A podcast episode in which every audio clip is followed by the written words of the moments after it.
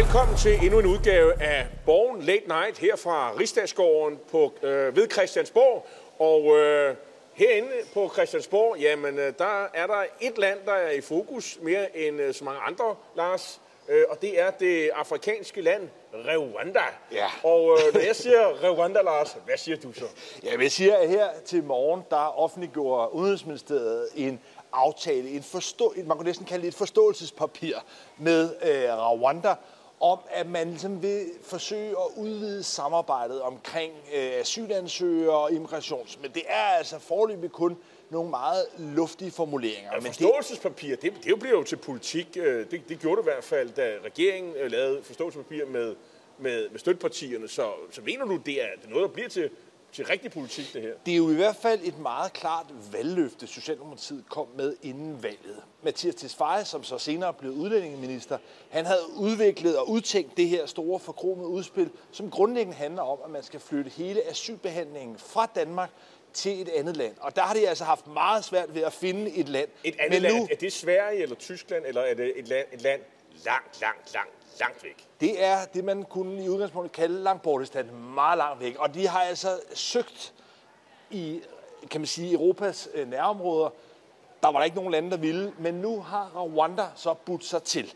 Og man har ikke lavet en aftale, men ideen er altså, og det er det, der giver regeringen noget pondus, i hvert fald på den indrigspolitiske øh, hjemmebane, det er, at man nu ser ud til i hvert fald at have konturerne af noget, der kunne blive en løsning og et svar på de debatter, vi har haft i overvis, hvor de borgerlige partier tidligere også har flyttet med tanken om, at man kunne flytte asylbehandlingen væk. Nu er det, at regeringen så tilbyder at lave et samarbejde med Rwanda. Men Et, altså, et samarbejde, Lars, det er jo sådan noget med, at, øh, at øh, du gør noget, og jeg gør noget, og så bliver det til noget fælles og så videre. Altså, man leverer noget til bordet.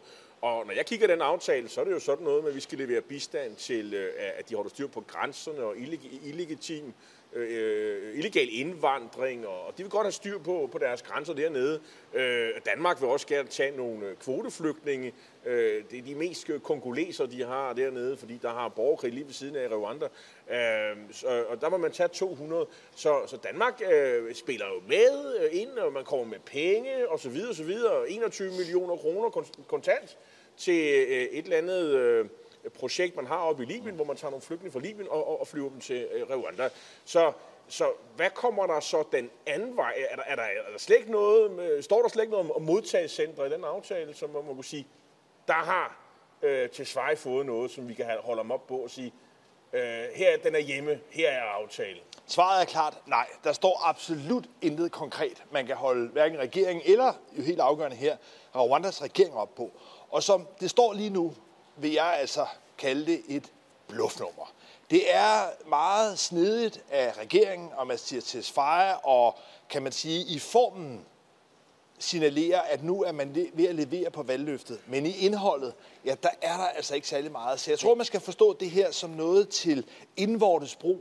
Realpolitisk, udenrigspolitisk er der ikke meget substans i det, men herhjemme, fordi de borgerlige partier er helt besatte af udlændingepolitik, så er det altså et trumfkort for Mathias Tesfaye her kunne spille og sige, prøv at høre, vi har en varig løsning. Det kan godt være, at den ligger lidt ude i fremtiden, men det bliver et helt nyt asylsystem, og vi har altså nu også et land, der er med på ideen. Men måske skulle man også en gang imellem tage ja-hatten på, og, og, og så have lidt tillid til, til, til vores medmennesker, og, ikke mindst dem, der sidder i regering. Og, og det kunne jo godt være, at de sådan har købt sig noget goodwill. Øh, Det er en rammeaftale, og sådan nogle rammer, de kan jo blive større, det ved vi jo alle sammen. Altså, øh, er der ikke et, fodfæste, et trin øh, til, at man sådan, øh, med, med tiden kan få overbevist øh, Rwanda om at, at lave en, øh, sådan en, et, et, et modtagelsescenter, øh, hvor man, og det, hele pointen er jo, at, øh, at øh, når folk kommer og siger øh, et eller andet sted, så ja, værsgo, her, har- her er der en billet ned til Rwanda, og så bliver man sat der, og så, og så, og så skal en sag behandles, og, og, og, og hvis det er, at man får asyl, jamen så er det jo ikke, øh, så er ideen jo ikke, at man skal tilbage til Danmark. Så er øh, ideen, at man kommer til en FN flygtningelejr i, i Rwanda. Det, øh, Ja. og, og det vil sige, at mange af dem her, øh, der kommer til Danmark, øh, og tror, de har købt mm. en enkelt billet hos menneskesmuglerne til Danmark. Nej, så har de i virkeligheden øh, købt en returbillet. Og, og med tiden vil de så finde ud af, at Danmark, det er nok ikke noget godt land at, at komme til. Vi, vi prøver Sverige eller Tyskland. Jeg er ked af at skuffe dig. Jeg bliver nok nødt til at tage ja-hatten af, fordi jeg kan altså ikke se, at der i den konstruktion ligger nogen veje løsning. Det er en model, som havde været afprøvet tidligere. Israel, som Mette Frederiksen jo også ser som et forbillede, har faktisk forsøgt det. Bibi Netanyahu, altså den israelske premierminister, har også været på besøg i Kigali i Rwanda og lavet en aftale. Helt konkret var det dengang, at israelerne betalte 5.000 dollars per asylansøger, som Rwanda ville tage imod. Det kom også i gang. Der var folk, der blev fløjet fra Israel til Rwanda. Desværre viste det sig senere, at de mennesker forsvandt der var der faktisk, apropos menneskesmuglere, folk, der på en eller anden måde altså, øh, fik dem til at forsvinde. Og det har været et system, der blev udsat for massiv kritik fra FN, fra menneskerettighedsorganisationer, fordi der simpelthen ikke var styr på de menneskeskæbner, som man sig selv i udgangspunktet har ansvaret for. Og derfor måtte Netanyahu, altså den israelske premierminister, droppe den her ordning. Så på den måde er det altså, et, et, synes jeg, et, et, et mønster af, at den danske regering er ved at gå tilbage til en fuser. Men altså, Rwanda, det er jo øh, altså for, for 25 år siden, der var jo frygtelig, øh, frygtelig land, hvor, hvor, hvor de slog folk i, øh, altså hinandens befolkning ihjel med, med macheter, frygtelig forfærdeligt. Og nu er det jo faktisk et, et, et, et, et land, der, der er et af de sådan mere velstående i Afrika. Øh, de, de, de, man taler også om det sådan teknologisk, øh, så, så, så fiser det derud af med internet og mobiltelefoner og, og, og, og, og virkelig alt muligt andet. Og, og, og de har virkelig en, øh, en, en præsident, øh, som virkelig får tingene gjort, og, og i også beskytter kvinder og sådan noget. Øh, Paul Kagame hedder han. Øh, og han er så populær, at han får øh, sidste gang i, i ved præsidentvalget i, i 2017, der fik han øh, øh, over, 8, over 98 procent af stemmerne. Ja, og det, kunne og være... det synes jeg jo er flot. Du. ja, altså det er jo næsten på niveau med, med Hans Toft i, i Gentofte, hvor du selv bor. Som er jo altså demokratisk øh, kommune ja, det meste af tiden. Og trods alt, trods alt er der så også vælgere, der stemmer på andre end Hans Toft mm. i Gentofte. Og det er jo i sig selv ret suspekt, synes jeg, med landen, hvor lederen øh, får så mange stemmer. Men jeg synes egentlig ikke, det handler om, kan man sige nødvendigvis, hvor mange stemmer øh, det får. Det handler om, at det er et system, der allerede er afprøvet.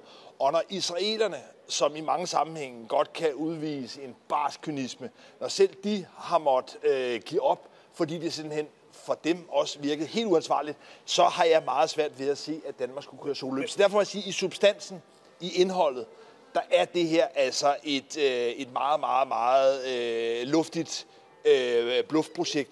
Men jeg, du har ret. Jeg, jeg har fornemmet en, en vis skepsis hos ja, dig, Lars. Ja. Men, men man kunne jo også godt øh, se på det på den måde, at, at, at vælgerne jo synes, vil sige, at det er et skridt på vejen. Øh, øh, øh I, I, I kommer der længere end de borgerlige. Øh, det kan godt være, man ikke er helt i mål, men øh, Socialdemokraterne mm. til Sveje, som jo har opbygget noget troværdighed i udlændingepolitikken. Mm. Det vil jeg i hvert fald hæve det. Det synes jeg, at vælgerne, man kan se på, at vælgerne kvitterer. Øh, øh, statsministeren er jo så fræk, så hun siger til Venstres formand øh, for nogle uger siden i spørgetiden, har Venstre stadig en stram udlændingepolitik. Det er en socialdemokratisk mm. statsminister, der siger det. Så de har jo øh, skal meget mm. skal man sige, selvtillid og, og, og, og troværdighed, mener de selv, til at de, de kan vel trække den her og få nogle vælgere afgørende midtervælgere, gamle Dansk Folkeparti-vælgere, til at sige, Socialdemokratiet, de er på rette kurs. De er ikke helt i mål, men det er den rigtige vej. Jamen, altså som øh, valgflæsk eller som en øh, valgkanin, der stadigvæk kan sige, vi rundt, der er det effektivt. Jeg øh, køber din analyse af, at der vil være en afgørende gruppe af vælgere, for hvem det at kunne i hvert fald vise en vej videre frem i forhold til en strammerkurs, at det vil være noget, der har en appel. Og derfor tror jeg også indrigspolitisk, valgtaktisk, at det her er snedigt udtænkt af Mathias Tesfaye. Så kan man sige point for det. Men det ændrer jo ikke på, at hvis vi taler om en ordning, som ikke kan lade sig gøre i praksis, så er det jo stadig et bluffnummer. Og jeg synes, man øh, kynisk, men dygtigt fra regeringens side udnytter, at de borgerlige partier altså er så besatte af udlændingepolitikken. Mange af de borgerlige partier, synes jeg, er blevet sådan en indstrenget banjo, der ligesom spiller en melodi, og det er strammerlinjen borgerlige partier har ikke længere en stort katalog af mange forskellige sager, og det har Socialdemokraterne dygtigt aflæst, og ved så at overgå dem, overtrumpe dem på en strammerlinje, på en løsning, ja, så har de i virkeligheden fået sat de borgerlige skak med. Det er dygtigt taktisk, men det er jo ikke nødvendigvis et udtryk for, at de konkrete problemer, der er med migration, med asylstrømmen, at de er blevet løst. Men, men, så du køber ikke, at, øh, at man er i mål med Rwanda, men Lars, der er jo også den mulighed, at øh, Tunesien kan levere varen, eller Ægypten. Der har vi jo også set i dag, at, at det er også nogle lande, man, man taler med. Så det kan være, at øh, der er mere held øh, i posen, når man taler med de lande. Det ved vi jo så ikke. Men øh, det vi ved, det er jo, at vi jo står i et land, der genåbner. Øh, skolebørnene kommer tilbage. Øh, og der er, vi skal lade være med, vi behøver ikke ringe og ned på, på, på restauranten og bestille tid, når vi skal på restaurant eller på, på værtshus. Det kan vi, vi kan bare gå ind. Øh, Formelt set i hvert fald fra i morgen. Fra i morgen, ja, ja. Vi, skal lige, øh, vi, vi må lige holde hestene. Men, men i hvert fald, der, der er en, en, en større genåbning, og det tror jeg alle er glade for. Og der var jo en forhandling, mm. øh, hvor at øh, regeringen jo spillede meget øh, lidt ud. De spillede ud med et, et, et program, et genåbningsprogram, der jo slet ikke er det, det endte med. Ja. Øh, det virker jo faktisk også, når man læser de øh, kommentarer, der har været, og, og med folk, der har været øh, tæt på forhandlingerne, at, øh, at, at, at de blå, men også sekundærer faktisk mm. af regeringens støttepartier, selv enhedslisten, kunne ikke se det rimelige i, at, at, at københavnske skolebørn, altså de ældste klasser, at de fortsat skulle gå hver anden uge og ikke have undervisning. Så regeringen overspillede måske deres kort den her gang, eller, eller I hvert fald må man konstatere, at resultatet endte i høj grad der, hvor særligt Venstres formand, Jakob Ellemann Jensen, havde forsøgt at presse det hen. Jeg synes, man må sige, at det har været en politisk sejr for Jakob Ellemann Jensen, at man fik presset regeringen i de her genåbningsforhandlinger. Og jo også i spørgsmålet om øh, at gøre de her droppede vacciner frivillige. Mm. Det var også noget, regeringen var meget tilbageholdende med, og hvor Jacob Ellemann også der havde krævet, at folk, der var villige til at påtage sig den meget lille risiko, der er, de skulle selv have mulighed for at kunne vælge det her. Så jeg synes, at Jacob Ellemann har taget nogle øh, stik hjem, men jeg synes, det samlede billede alligevel bærer præg af, at Mette Frederiksen har tænkt, Jacob Ellemann får ret, og hun får fred. Fordi den samlede effekt af det her er jo stadigvæk, at vi har en meget, meget bred forligskreds. Det er kun nye borgerlige, som står udenfor. Så, så billedet af, at regeringen ligesom har opbakning, rygdækning til sin linje, det er jo blevet cementeret. Så ja, i, i, igen også her i substansen, ja, der er det i virkeligheden ikke regeringen, der har øh, vundet, men i udtrykket, i formen, ja, der er det stadigvæk men, Mette Frederiksen, der står som den store commander in chief. Men, men jeg vil også sige, at det end, kunne vel ikke ende anderledes, når man tænker på, at regeringen jo sagde, at i april, øh, der regnede man med, at 800 ville blive indlagt, og vi er nede på 166, var det i går i hvert fald, indlagt. Mm. historisk lave, lave tal. Der var, man løbet simpelthen tør for argumentation mm. for, at man skulle uh, have et så stort et, et øh, regime, som man har. Men stadigvæk, Lars, Håndboldhaller, de er lukket. Kontaktsport indendørs går forud. Altså, det bliver nedprioriteret. Gode, sunde danske folkeidræt som håndbold kan ikke spilles, men vi kan gå på værtshus og få en lille en. Ja, du kan tilføje, at eksempelvis studerende, altså voksne mennesker, der tager en videregående uddannelse, ja, de må stadigvæk heller ikke mødes. Og det er altså også noget, der ligesom trodser en sådan umiddelbart snusfornuftig logik af nogle voksne mennesker på en uddannelse, at de ikke skulle være i stand til at opføre sig lige så velovervejet som for eksempel folk på et værtshus. Men vi er altså nået dertil, hvor man stadigvæk har samling omkring genåbningen, men Ja, og så har, man jo, så har man jo så også fået aflyst alle øh, øh, sommerens musikfestivaler. Det er jo nok heller ikke noget populært, men igen fornemmer jeg lidt, der er en forståelse for det et langt stykke hen ad vejen. I, her i, på fredag skal man jo diskutere det her øh, coronapas, som vi efterhånden alle sammen har øh, fået til en vane at gå op og, og, og få en test, så vi kan komme øh, på restauranten og alle de ting, vi gerne har lyst til. Øh, nu også indendørs idræt fitnesscenter, der skal vi jo have sådan et. Øh, og, og der starter det nye slagsmål om, hvornår skal vi ikke vise et øh, coronapas. Men jeg synes, at altså, Jacob Ellemann formår i substansen langsomt at krabbe sig ind og fordreje regeringen. Men får han politisk øh, valuta for det? Nej, man kan sige, det gør han, han ikke. Er, det, det, han er, man kan sige, det er også en borgerlig sejr, at de faktisk står sammen i, øh, i krav og i forhandlingslokale. Det er jo ikke så tit, at de står sammen hele vejen igennem. Men, der kunne også, det lykkedes faktisk. Men der kunne også være nogle sådan ydre omstændigheder, der gjorde, mm. at fokus måske ikke er så meget på Jakob Ellemann Jensens lederskab og i virkeligheden substanssejr. Fordi der er jo en farlig ballade i Venstre.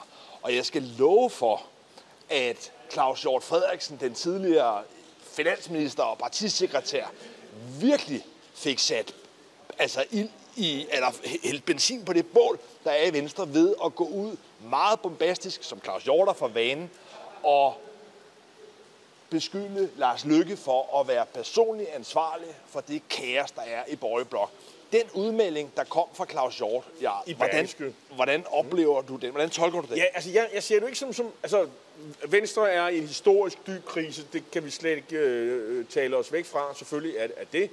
Øh, men det virker som om, at, at at Berlingske, øh, som jo har prøvet på at få et interview med øh, Claus Hjort i noget tid, øh, endelig fik øh, fyret op under ham, og så fik han jo, kom han jo ud med de kæmpe store frustrationer og vrede, øh, der er over, at, øh, hans øh, mangeårige samarbejdspartner, øh, Lars Løkke Rasmussen, som han har arbejdet sammen med i hvert fald i 20 år, øh, Og meget forlo- tit. forlod Venstre, ja, Ja. for søren, Ja. øh, forlod Venstre på den måde, øh, som han gjorde. Øh, Claus Hjort er partiets mand. Han, han, men han, og han, nogle gange så er han så øh, ivrig for at, at, at skal man sige, hjælpe sit parti, at han opfører sig som en elefant i en glasbutik og smadrer alt og alle på sin vej øh, i, i håb om at, ligesom, at hjælpe sit parti. Jeg vil sige, det her det er måske ikke en af de øh, udfald, der er øh, mest skadelige for Venstre i virkeligheden. Fordi jeg læser det som en kæmpe advarsel til alle, øh, som synes, at Claus Hjort er et fornuftigt menneske om, at de nogensinde stemme på, på Lars Lykke. Øh, og han giver Lars Lykke næsten æren, skylden for, at det borgerlige samarbejde er brudt sammen, og at Venstre har, har nået den her derut. Der er nok flere, der har skylden. Jeg vil nok sige, Claus Hjort med sit øh, øh, udfald øh, live på TV2 øh, News øh, til det sommergruppemøde, der var tilbage i 2019, som jo faktisk var en tændstik, der satte ind til det hele, og jo endte med, at både øh, formand og næstformand røg, og man fik en ny formand. Så han bærer selv en hel del af den skyld. Men Øh, holder vel også gang- og gang i balladen men, nu? Men jeg siger ikke, det er jo ikke sådan, at Venstre synes, at det er et problem, at han angriber Lars Lykke. Fordi mm. Lars Lykke er på vej til at løbe med mange venstre stemmer. Så det her, øh, det er sådan set en, en, en, en glimrende ting. Det, som Venstre tænker på, det er, Lars Lykke kommer i Folketinget. Lars Lykke er en, vi kommer til at forholde os til. Han er en samarbejdspartner, om vi kan lide det eller ej. Øh, så det er jo ikke os, der skal bruge kræfter på at, øh, og, og, og kaste mudder efter ham. Men at Claus Hjort gør det, det lever man ved. Men det er ikke desto mindre et sindbillede på, hvor ond en stemning der er i den borgerlige blok. Og også, hvor stor ængstelse der er for yderligere at tage vælgere. Altså i den situation, hvor kristdemokraterne nu også med Jens Rodes øh, tilgang ser ud til at have fået en større sandsynlighed for at kunne komme i Folketinget med Lars Lykke. Der er altså en kamp om vælgerne, en, en, en kanibalsk kamp, en stoleleg, Og, specielt om de altså. vælgere, som er et eller andet sted inde omkring midten, som måske ikke er helt så optaget af udlændingepolitik, øh, mm. som øh, resten af højrefløjen. Mm. Øh, det er nemlig der, hvor, hvor Venstre, øh, dele af Venstre, øh, skulle man nok mm. rette at sige, øh, befinder sig. Øh, dele af de konservative befinder sig. Jens Rode og kristendemokraterne. Øh, nogle gange de radikale, og så i øvrigt Lars Løkke. Han har jo specifikt lagt sig der. Øh, og de fleste regner jo også med, at selvfølgelig kan sådan en mand øh, trylle et partiprogram frem. Mm. Øh, selvfølgelig øh, vil, vil, vil, vil, vil, vil spotlyset øh, øh, hvile på ham, når valgkampen går i gang. Han vil øh, med den enorme erfaring, han mm. har, selvfølgelig tiltrække sig enorm opmærksomhed. Men med det bal i den borgerlige, der mildest udfoldes her på Christiansborg og rundt omkring i medierne, der kunne man jo godt ligesom så bare konstatere, at Mette Frederiksen sidder meget sikkert. Og det gør hun også i udgangspunktet. Trods men, alt. Men der er nogle for regeringen ildevarslende udviklinger. Og det handler i høj grad om, at Mette Frederiksen måske ser ud til at have overspillet sine kort og have gamblet så højt ved og satse på, at det forståelsespapir, hun lavede med de tre støttepartier, SF, Radikale og Enhedslisten, at det er noget, der ligesom har pacificeret dem så meget, at de ligesom er lullet i søvn i tiltroen til, at i løbet af de næste mange år, ja, der vil man realisere nogle ting. Fordi hun har ret konsekvent, siden blikket var tørt på forståelsespapiret, der har hun vendt sig mod de borgerlige partier og ført en politik på en række områder, som provokerer, frustrerer støttepartierne voldsomt. Klimaområdet, lad os tage det som det mm. første. der er der altså en, en, en, en, en voksende vrede over, at regeringen ikke engang ser ud til at ville leve op til den her 70% målsætning. Så har vi udlændingeområdet. Det, det er jo både øh, de danske børn i Syrien, men det er jo også nu den her Rwanda-løsning, som provokerer. Så der oplever man altså både på klimaområdet og på udlændingeområdet, men, men det... at regeringen fører den. Og så lad mig lige nævne det tredje. Det er, at man i forståelsespapiret nedsatte en ydelseskommission, der skal kigge på de her, som man kalder det på venstrefløjen, fattigdomsydelse. Altså en meget lav integrationsydelse, et kontanthjælpsloft, en 225-timers regel, som har betydet, at en lang række familier har børn, der lever i det, der statistisk set bliver vurderet som fattigdom. Det ville man fra støttepartierne gøre op med, men nu har beskæftigelsesminister Peter Hummelgaard været ude på forhånd og spillet forventningerne helt ned og sagt, at det ikke er noget prestigeprojekt for det er, jo, det er jo før en forhandling. De, kan, de finder jo sig selv, nok sig selv, hinanden under en forhandling. Tror du ikke det? Og, og, og, og i øvrigt, Lars. Ja. ja, ja, de kan være sure og enhedslisten, og de radikale og sådan noget. Det har de jo været gennem hele perioden nærmest. Hvad vil de gøre ved det? Ja, og, og problemet er nemlig, at øh, de udgangspunkt ikke kan gøre så meget. Morten Østergaard, den detroniserede leder radikale, han forsøgte jo rent faktisk at true med valg. Mm. Det kom han ikke specielt ja. godt ud af, og er nu jo forsvundet, så er andre årsager. Men man står altså i en situation, hvor der begynder at være spørgsmål, også i baglandet for de her partier, det er, hvad har de egentlig fået ud af at støtte Mette Frederiksen? Nå, men hvis man kigger men, på det rent politisk... Men, jo, men det er fint nok. Men jeg må bare sige, Pia Olsen Dyr, Maj Villassen, søde, rare, venlige mennesker. Altså, øh, hvad, hvad laver sådan nogen øh, øh, øh på alle mulige måder øh, charmerende og tiltalende kvinder på, i revolutionære partier på den yderste venstrefløj, i hvert fald for, for Wilhelms side. Er der nogen, der tror på, at de øh, øh flipper helt ud og bliver revolutionære og vælter regeringen? Nej, det kommer ikke til at ske. Nej, men man kan, også stille, altså, man kan også stille et spørgsmål, kan man sige, efterhånden. Hvad har støttepartierne egentlig at tabe? Fordi i den nuværende situation, der bliver der ikke givet ved dørene fra regeringen. Tværtimod så forsøger man altså også demonstrativt at provokere dem ved hele tiden at lave store forlig ind over midten med de borgerlige. Så selv hvis man forestiller en situation, at man fik fremprovokeret valg, så er det klart, så vil det ligge gift for samarbejdet mellem selvfølgelig de partier og Socialdemokratiet. Men, men, men problemet for regeringen er altså, og det er dermed, jeg siger, at man har overspillet kortene, man er ved at være derude, hvor der er flere partier partierne i hvert fald, der begynder at tænke, hvad har vi egentlig at tabe? Det kan godt være, at vi ikke vil få nogen indflydelse efter et valg, men det har vi heller ikke nu. Hvor er det spændende, at øh, vi har det at se frem til, at øh, nu er målet fyldt. Nu øh, kommer der en afstraffelsesaktion over fra regeringen fra støttepartiet. Det vil jeg glæde mig at se, ja. øh, om det sker. Ja, ja, ja, ja, jeg, jeg, tror, vil sige, jeg er ikke overbevist, øh, vil jeg sige. Nej. Det virker som om, at de her støttepartier, de, øh, øh at de, jeg vil ikke sige, de nyder at blive kostet rundt med, men, øh, men altså, når man ser så lidt reaktion fra dem som hidtil, så er jeg svært med at se, at regeringen ikke bare skal køre videre, som de har gjort hidtil.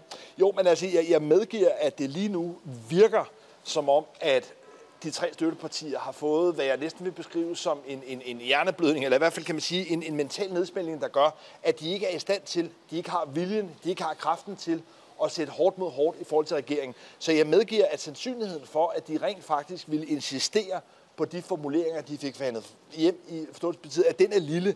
Men, men, men det gnaver, det begynder at gnave, fordi at regeringen altså fuldstændig vælger at ignorere de krav, som der er for støttepartierne. Ja, det er tordner i rettens krav, og lad os se, hvad det ender med. Tusind tak, fordi I så med her i øh, Born Late Night øh, direkte fra øh, øh, Rigsdagsgården ved Christiansborg. Tak skal I have.